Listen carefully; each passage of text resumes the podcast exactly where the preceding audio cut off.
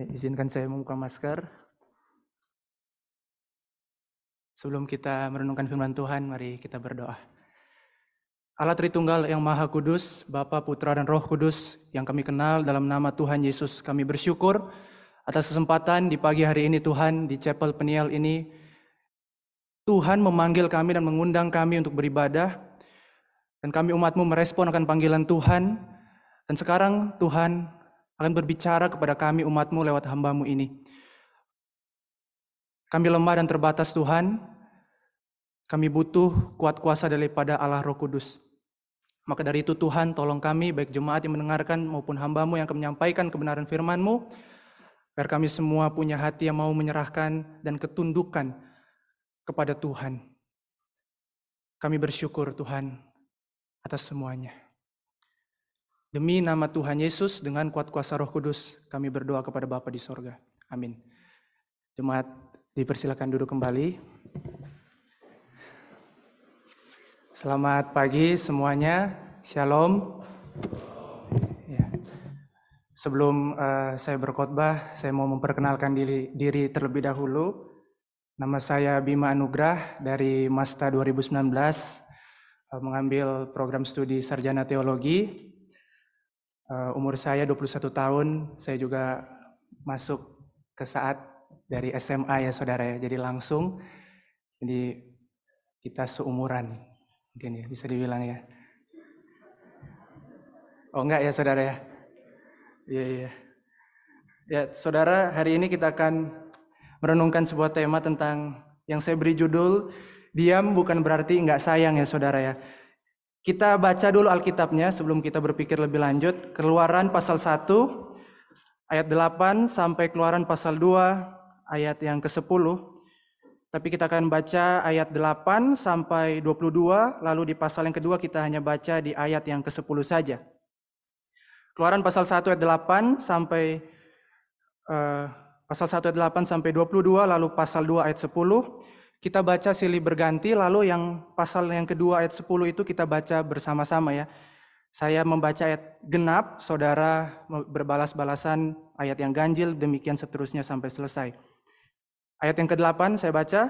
Kemudian bangkitlah seorang raja baru memerintah tanah Mesir yang tidak mengenal Yusuf.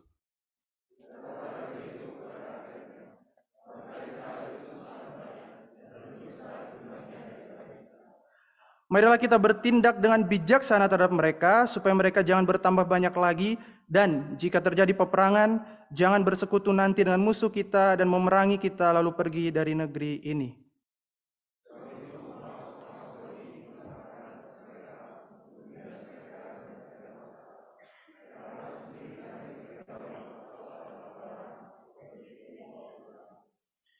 Tetapi makin ditindas, makin bertambah banyak dan berkembang mereka, sehingga orang merasa takut kepada orang Israel itu.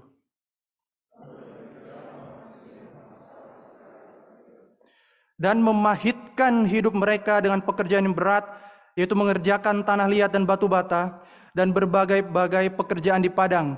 Ya, segala pekerjaan yang dengan kejam itu dipaksakan orang Mesir kepada mereka itu.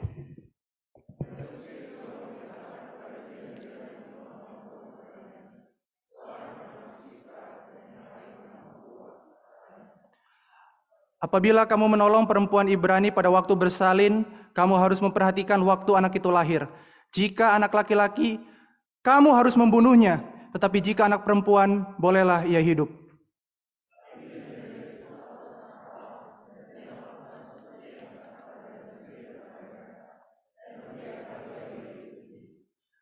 Lalu Raja Mesir memanggil bidan-bidan itu dan bertanya kepada mereka, Mengapakah kamu berbuat demikian membiarkan hidup bayi-bayi itu?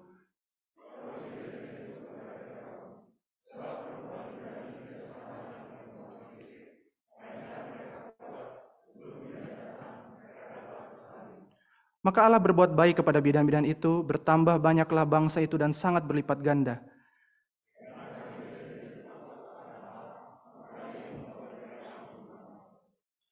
Lalu Firaun memberi perintah kepada seluruh rakyatnya, lemparkanlah segala anak laki-laki yang lahir bagi orang Ibrani ke dalam sungai Nil, tapi segala anak perempuan biarkanlah hidup. Pasal 2 ayat 10 kita baca bersama-sama. Ketika anak itu telah besar, dibawanyalah kepada putri Firaun yang mengangkatnya menjadi anaknya dan menamainya Musa, sebab katanya, karena aku telah menariknya dari air. Sedemikian jauh pembacaan firman Tuhan, berbahagialah orang yang bukan hanya membaca, melainkan juga melakukan firman Tuhan dalam kehidupannya. Saudara, di uh, bulan ini kita merayakan yang namanya bulan, bisa jawab saudara? Bulan Agustus. Dari huruf K, saudara.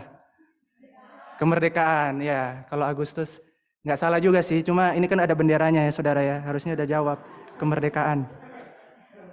Saudara yang namanya kemerdekaan ya, ada satu titik di mana kalau dikatakan Indonesia merdeka, ada satu kurun waktu masa waktu di mana Indonesia tidak merdeka ya, saudara ya. Dan menurut sejarah Indonesia sebelum Indonesia dinyatakan memproklamasikan kemerdekaan, mereka Bangsa kita ini hidup di dalam yang namanya penjajahan, khususnya dua negara kolonial yang paling terkenal yaitu Belanda dan Jepang yang menindas bangsa Indonesia. Dalam catatan buku sejarah nasional Indonesia jilid 4 halaman 11 teman-teman bisa dapatkan juga ini di perpustakaan dikatakan di sana bahwa Belanda itu menerapkan yang namanya sistem tanam paksa, Saudara. Dan itu menaruh beban yang berat pada pundak rakyat. Tidak berhenti di situ, tetapi ketika pemerintahan kolonial Jepang mereka juga menjalankan yang namanya romusa atau sistem kerja paksa yang kejam ya saudara. Yang dikatakan dalam catatan sejarah bahwa uh, bisa di next.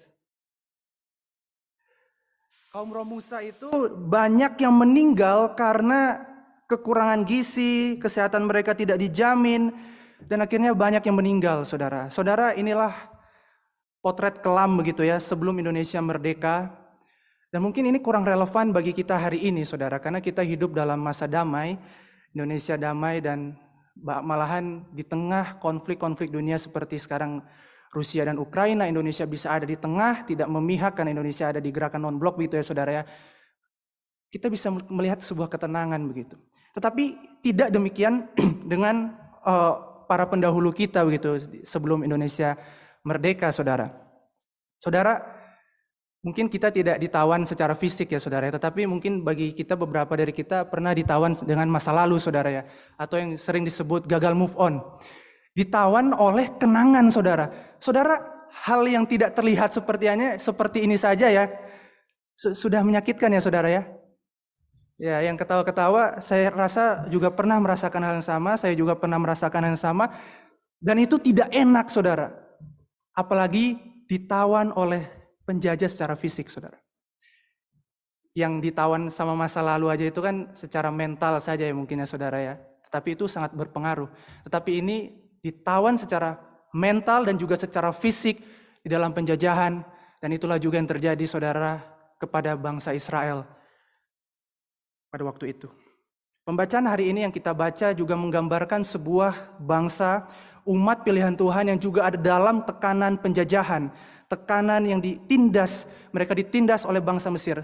Saya akan coba jelaskan singkat mengenai latar belakangnya dan apa yang terjadi sebenarnya saudara. Saudara, di bagian yang kita baca hari ini, orang Mesir itu ya, Firaun pada secara khususnya, mereka, dia itu menindas orang Israel dengan kejam. Ada beberapa alasan yang bisa diajukan ya saudara ya. Mungkin pertama karena penindasan yang dilakukan itu bersifat kerja paksa, mungkin alasannya ekonomi saudara. Tetapi kalau kita lihat di ayat yang ke-10, Firaun berkata bahwa uh, tentang faktor keamanan saudara bisa jadi seperti itu. Saya menafsirkan ini multifaktor begitu ya saudara ada banyak dimensi yang bisa dilihat dan sebenarnya bukan itu apa ya bersifat seperti superficial begitu saudara yaitu faktor keamanan, faktor uh, ekonomi. Tapi pada dasarnya Firaun ini memang tidak mau bangsa Israel itu ada di Mesir, gitu aja gitu, simple. Tapi itu dimanifestasikan dalam berbagai hal seperti yang saya sebutkan sebelumnya. Dan Firaun melakukan setidaknya ada dua rencana jahat ketika dia menindas orang Israel. Yang pertama, dia melakukan yang namanya kerja paksa dan pembunuhan anak. Saudara yang pertama tentang kerja paksa, saudara. Di ayat yang ke pasal pertama ayat 11 sampai 14 dikatakan khususnya di ayat 14 ya. Firaun itu dikatakan memahitkan kehidupan orang Israel. dengan pekerjaan berat yaitu mengerjakan tanah liat dan batu bata dan berbagai-bagai pekerjaan di padang. Di ayat 14 itu kata memahitkan dalam bahasa Ibrani dipakai kata marar yang kalau bisa diterjemahkan itu seperti menangis sepahit-pahitnya saudara. Ini bukan sesuatu tanpa alasan mengapa kata ini bisa diterjemahkan demikian.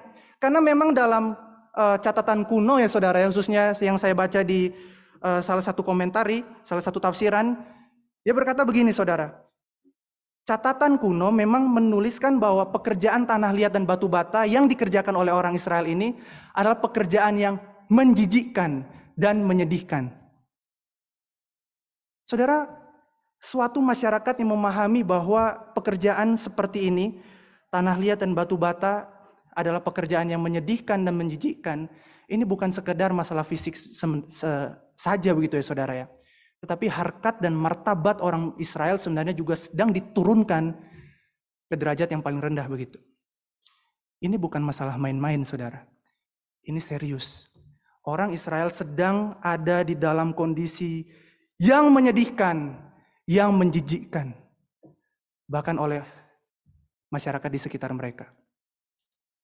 Bukan hanya berhenti di situ saja orang Israel ditindas, tetapi Firaun juga melancarkan ya serangan rencana jahatnya yang kedua, yaitu pembunuhan anak. Atau pembunuhan anak laki-laki biasa disebut infantisida begitu ya saudara ya. Biasanya kita melihat kelahiran sebagai sesuatu yang menyenangkan. Tetapi saat itu kelahiran menjadi sesuatu momok yang menakutkan saudara. Bayi laki-laki saja yang dibunuh. Yaitu karena tadi ada faktor keamanan mungkin. Tapi saya percaya ini memang adalah sebuah cara yang memang ya dia jahat aja gitu sama orang Israel, saudara. Seorang raja Firaun gitu, seorang raja Mesir Firaun yang tidak mengenal siapa itu Yusuf bangkit dan melawan Israel. Kalau saya sempat search ya saudara ya di YouTube uh, Atta melahirkan, eh, maksudnya istrinya ya Aurel yang melahirkan ya saudara ya. Aurel melahirkan itu dibikin konten saudara. Dibikin konten, dimasukin di YouTube, dibagikan ke media sosial. Kalau ini sesuatu yang menakutkan, kalau ini terjadi di zaman Israel, tidak mungkin ada ya yang namanya seperti ini, saudara. Kelahiran memang pada saat ini dilihat sebagai sesuatu yang bahagia dan itu hal yang wajar memang, tetapi tidak pada zaman Israel. Tangisan bayi yang keluar dari perut ibunya itu bukan menghasilkan sebuah bahagia, tawa bahagia, tetapi sebuah tangisan karena sang ibu tahu anak itu akan segera dibunuh, apalagi kalau itu anak laki-laki. Mereka sedang hidup di dalam sesuatu yang keras, sesuatu yang berat, saudara, dan ini bukan sesuatu yang mudah. Saudara, hari ini kita melihat bahwa bangsa Israel ada di dalam kondisi yang tidak mudah. Dan satu hal lagi yang malah memperkeruh suasana, saudara ya, kalau kita lihat tadi. Kok Tuhan kelihatan diam juga ya? Saudara lihat Alkitab, dari ayat 8 sampai 22, coba hitung kata Tuhan muncul berapa kali. Atau kata Allah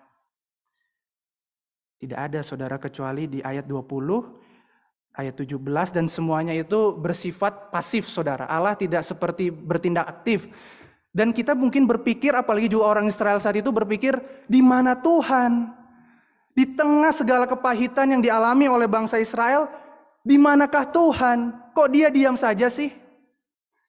Bukankah orang Israel disebut sebagai umat pilihan Tuhan? Tetapi ketika umat pilihan Tuhan ini ada di dalam kondisi yang sangat memahitkan, yang dikatakan pahit, menangis sepahit-pahitnya, kok Tuhan tidak muncul sih? Dan wajar kalau orang Israel pada saat itu berkata, Tuhan di mana engkau? Ataupun mereka menangis, karena memang itu sangat berat saudara. Dan Tuhan tidak muncul, sepertinya tidak muncul di sana. Ini sesuatu yang begitu menyedihkan, saudara. Mari coba kita pikirkan ketika kita misalkan ada di posisi mereka, saudara. Dan kita mulai bertanya, di manakah Tuhan?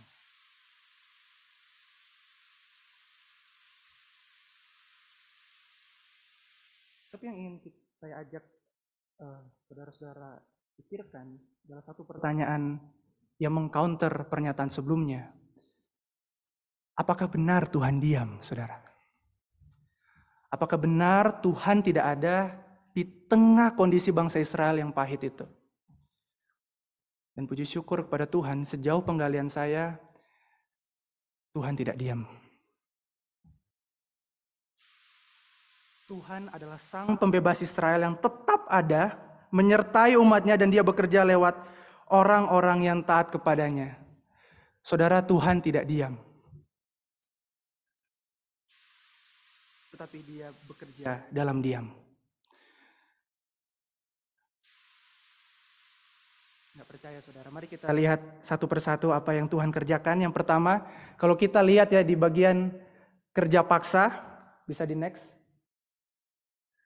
Di bagian kerja paksa, Tuhan tidak diam, tetapi dia bekerja lewat diam, lewat apa saudara? Saudara, Firaun kalau dikatakan di ayat yang ke-12 gagal membendung populasi Israel lewat kerja paksa. Malah dikatakan di ayat yang ke-12, tetapi makin ditindas, makin bertambah banyak dan berkembang mereka. Sehingga yang takut siapa saudara? Orang Mesir takut kepada orang Israel itu.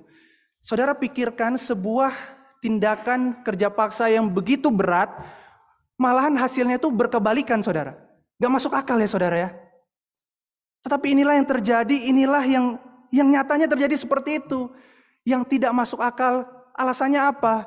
Karena Tuhan ada bekerja di dalam itu, tetapi mungkin tidak kelihatan saudara. Bukan hanya satu rencana Firaun saja yang diputar balikan, dipermalukan Tuhan. Tetapi kedua, rencana Firaun yang kedua yaitu pembunuhan anak pun digagalkan Tuhan. Dikatakan di sana saudara, bahwa Firaun itu ingin membunuh anak-anak, anak-anak Ibrani itu, orang Israel itu, tetapi dikatakan Tuhan berbuat baik kepada bidan-bidan itu, bertambah banyaklah bangsa itu dan sangat berlipat ganda, saudara. Firaun ingin membunuh, tetapi yang terjadi apa? Anaknya malah makin bertambah. Dan yang ultimatnya ya saudara ya, di pasal yang kedua kita lihat Musa yang adalah seorang Ibrani tulen, seorang Israel sejati, dibesarkan di istana Firaun yang ingin membunuh dia, saudara. Sadar nggak? Lihat, lihat ya polanya, saudara ya. Firaun ingin membunuh, tetapi Tuhan malah membuat sesuatu yang tidak dapat dibunuh. Anak-anak yang tidak dapat dibunuh. Dan itu alasannya apa, saudara? Kalau bukan Tuhan yang bekerja.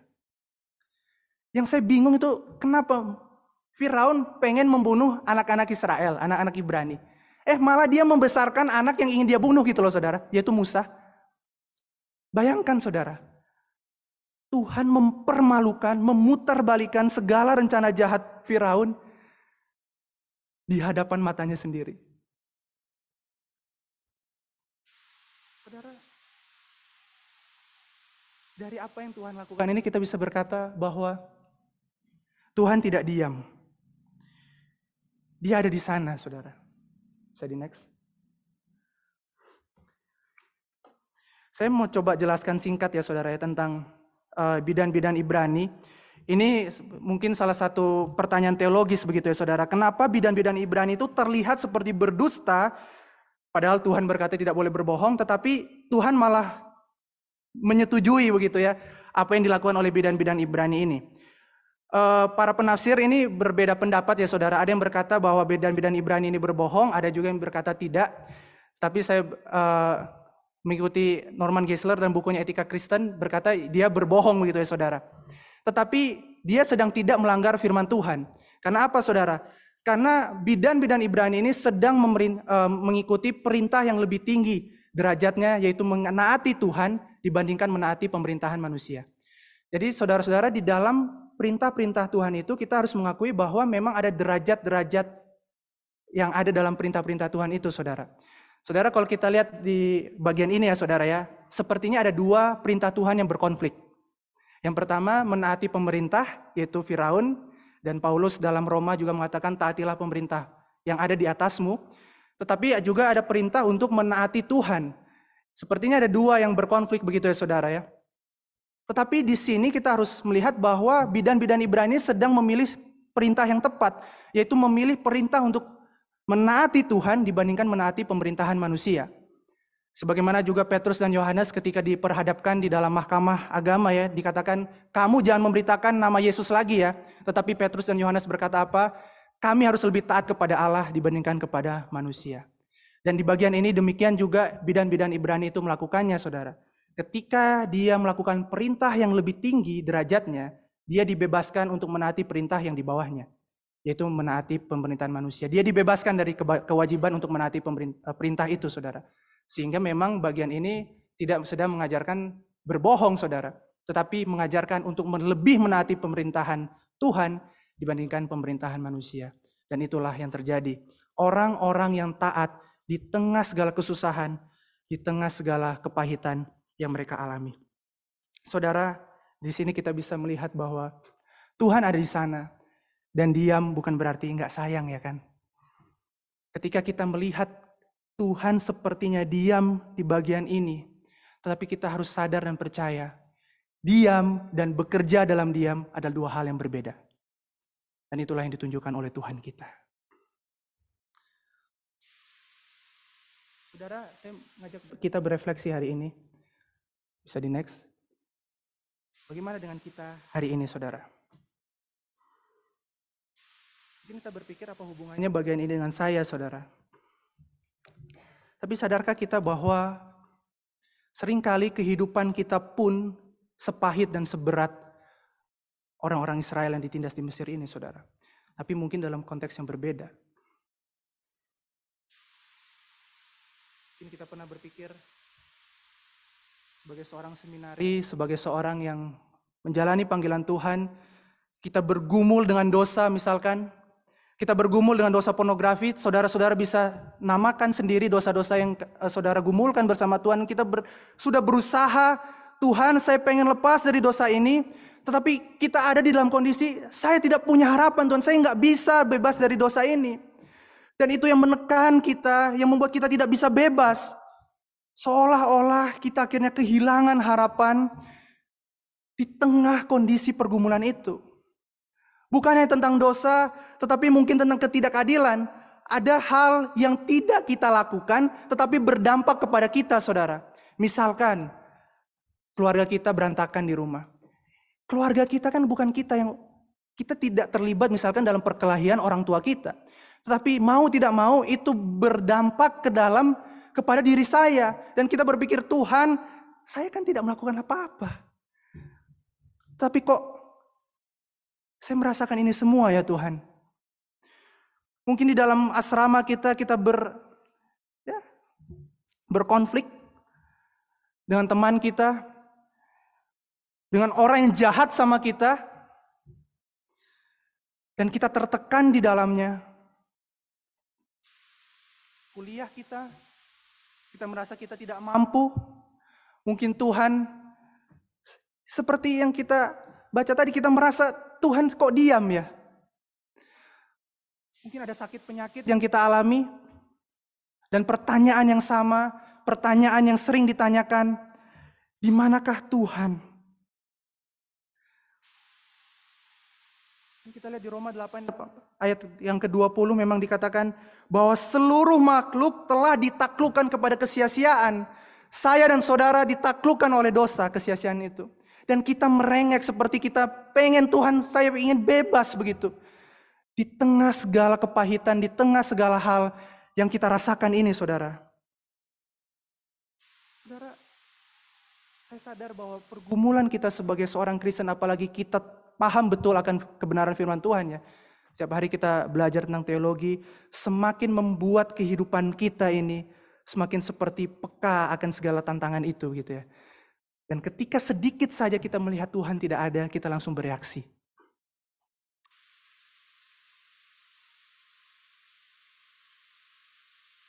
Di manakah Tuhan di dalam kehidupan kita?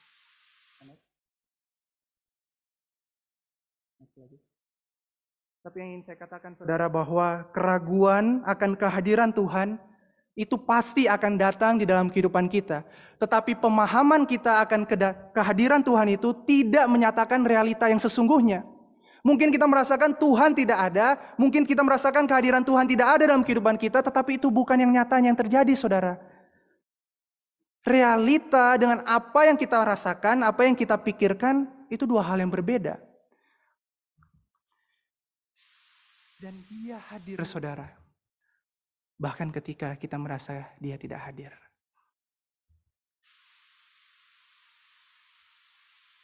Saya akhir-akhir ini sering mendengarkan sebuah lagu ya dari Four of Spades, Come Inside of My Heart, mungkin bisa diputar dulu.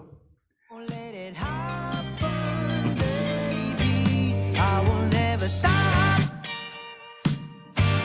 But only if you listen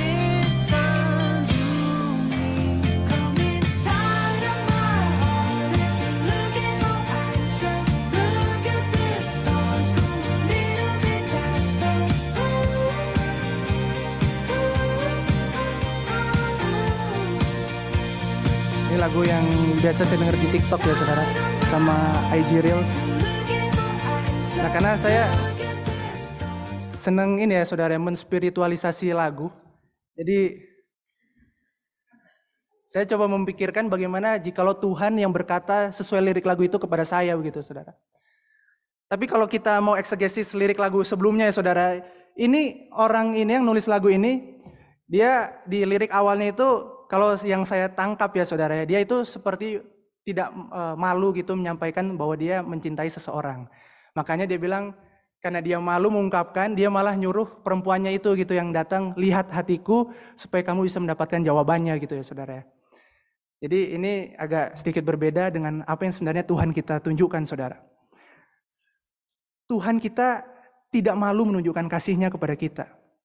Tuhan kita bukan seperti seorang laki-laki yang takut menyatakan perasaannya kepada lawan jenis atau perempuan yang dia cintai, tapi Tuhan kita adalah Tuhan yang sudah menunjukkan bahwa Dia mengasihi kita.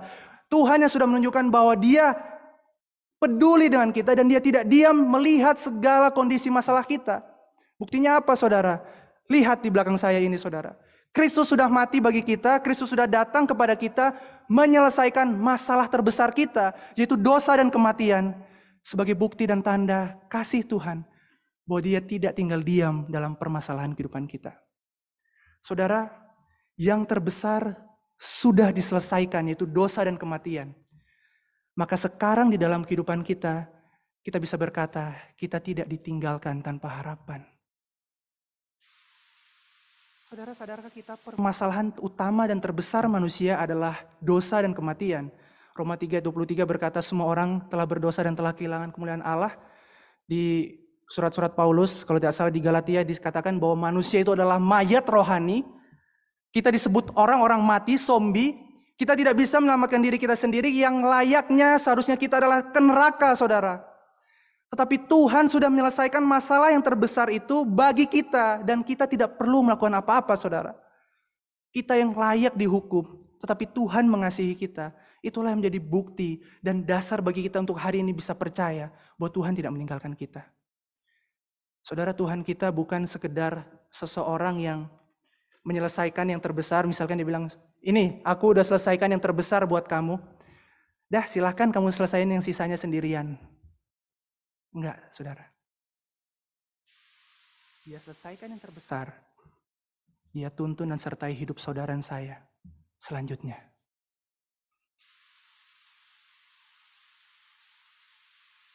Saudara, saya teringat, uh, bisa next. Uh, beberapa waktu yang lalu saya mengikuti sekolah mengemudi ya saudara ya. Di sekolah mengemudi ini banyak hal yang menarik juga. Uh, karena saya bukan yang privat, jadi saya mengemudi itu berbarengan sama siswa-siswa lain, biasanya empat orang atau tiga orang.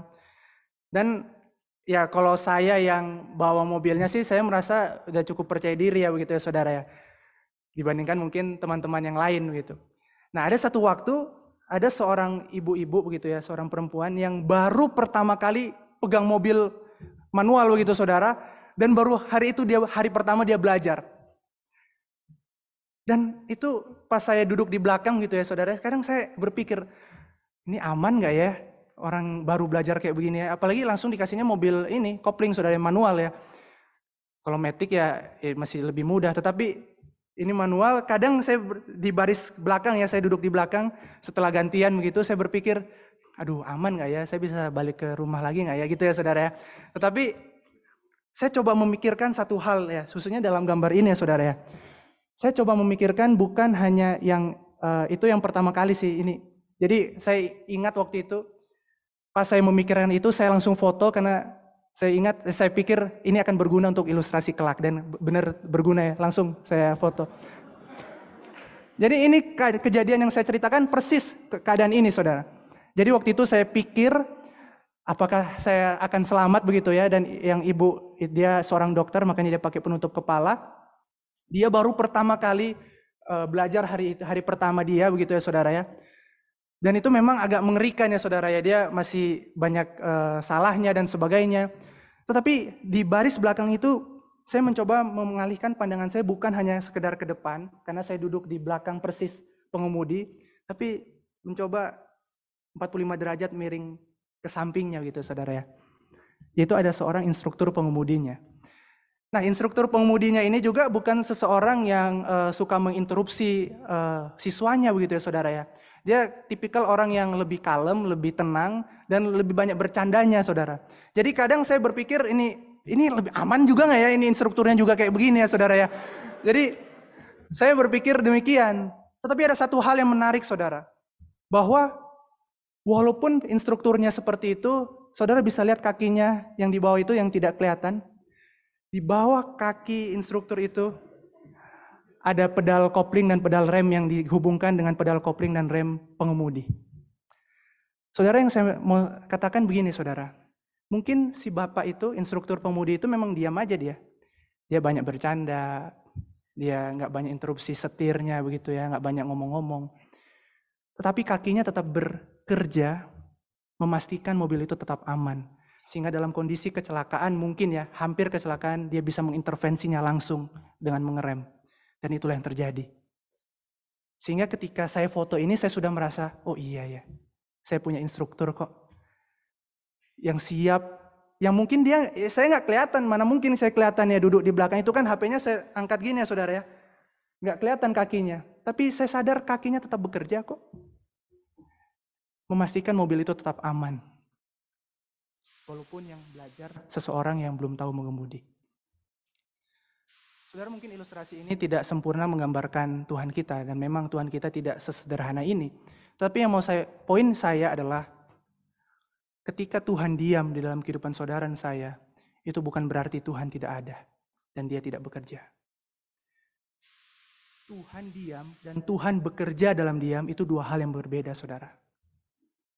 Dan kita sudah punya bukti. Yang pertama keluaran tadi dan yang kedua Kristus sudah datang kepada kita. Menandakan bahwa Tuhan benar-benar serius mau mengasihi kita, mau menyelesaikan masalah terbesar kita.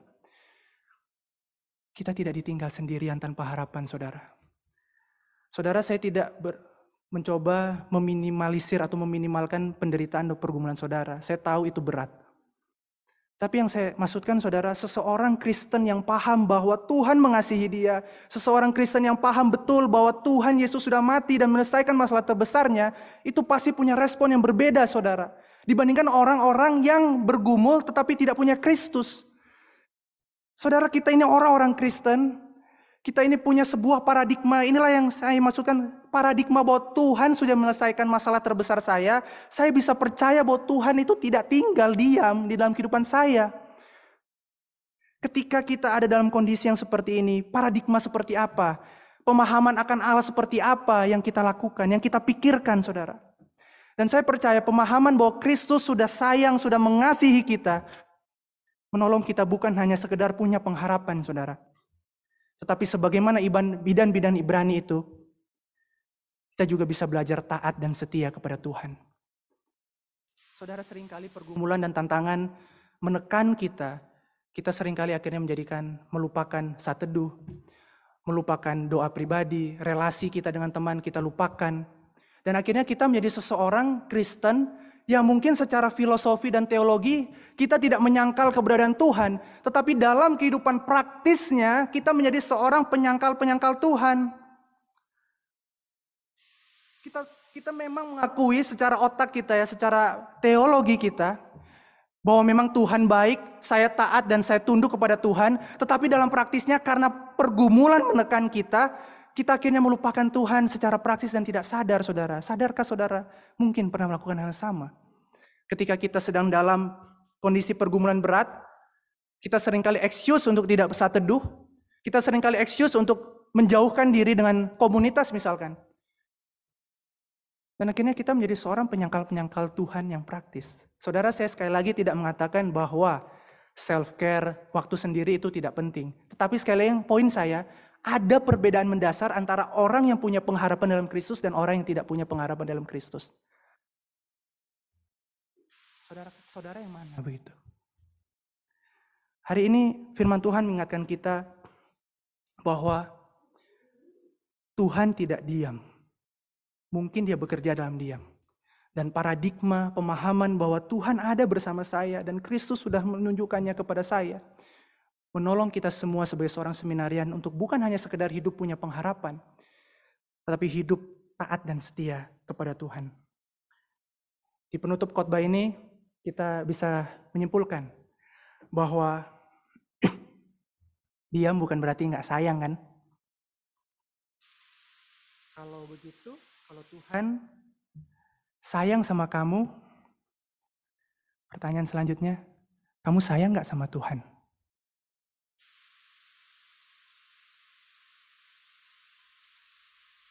Kalau kamu sayang sama Tuhan, yuk taat sama Dia. Mari kita berdoa. Tuhan kami bersyukur atas kesempatan kembali di pagi hari ini kami bisa mengingatkan kasih Tuhan. Pengorbananmu Tuhan kiranya menolong kami memiliki sebuah hati, sebuah paradigma yang berbeda Tuhan.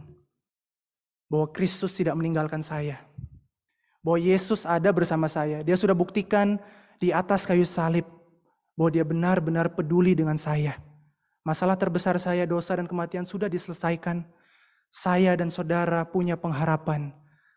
Saya dan saudara punya jalan keluar. Tolong kami Tuhan untuk melihat harapan itu hanya di dalam Kristus. Serahkan sisa waktu ibadah kami kepadamu. Di dalam nama Tuhan Yesus dengan kuat kuasa roh kudus kami berdoa dan bersyukur. Amin. Saya serahkan ke worship leader.